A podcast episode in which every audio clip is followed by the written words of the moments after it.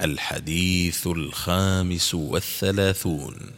عن عائشة رضي الله عنها أنها كانت تحمل من ماء زمزم وتخبر أن رسول الله صلى الله عليه وسلم كان يحمله. أخرجه الترمذي وصححه الألباني.